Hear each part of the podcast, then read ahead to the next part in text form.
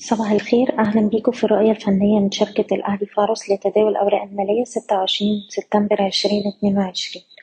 في جلسة امبارح المؤشر بدأ على تراجع وقدر يقلل من معظم الخسائر بتاعته قفلنا عند مستوى تسعة آلاف تمنمية خمسة وتسعين. أحجام التداول امبارح كانت منخفضة لكن المؤشر مازال بيتداول حول مستوى الدعم بتاعه تسعة آلاف وتسعمية. وبالتالي ده ممكن يدينا فرصة للارتداد نجرب على مستويات العشرة آلاف وخمسين عشرة آلاف ومية.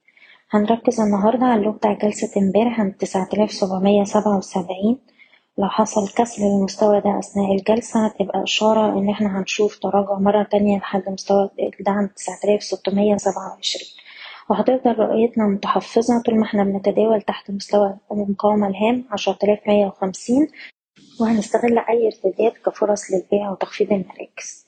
بالنسبة للأسهم نبدأ بسهم أبو قير عندنا منطقة مقاومة ما بين أربعة وعشرين تمانين خمسة وعشرين عشرين ودي مناطق جيدة لجني الأرباح. والناس اللي مش عايزة تبيع تقدر ترفع مستوى حماية الأرباح لأقرب دعم عند التلاتة وعشرين ونص المجموعة المالية هرمس هي بتتحرك في رينج ما بين حداشر جنيه وتمانين قرش لحد اتناشر جنيه وسبعين قرش.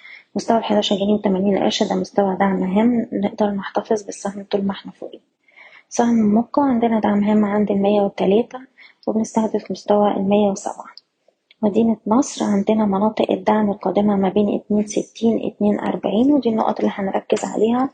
مستويات المقاومة عندنا عند اتنين جنيه تمانية وسبعين اتنين جنيه خمسة وتمانين. سهم السويدي عندنا دعم هام عند سبعة جنيه تلاتة وعشرين وطول ما إحنا فوق المستوى ده ممكن نجرب على سبعة جنيه وتمانين قرش. القاهرة للدواجن عندنا دعم عند اتنين جنيه أربعة وأربعين طول ما إحنا فوق المستوى ده. شايفين السهم عنده فرصة يرد لغاية مستويات اتنين جنيه تلاتة وستين اتنين جنيه تمانية وستين. بشكركم بتمنى لكم التوفيق.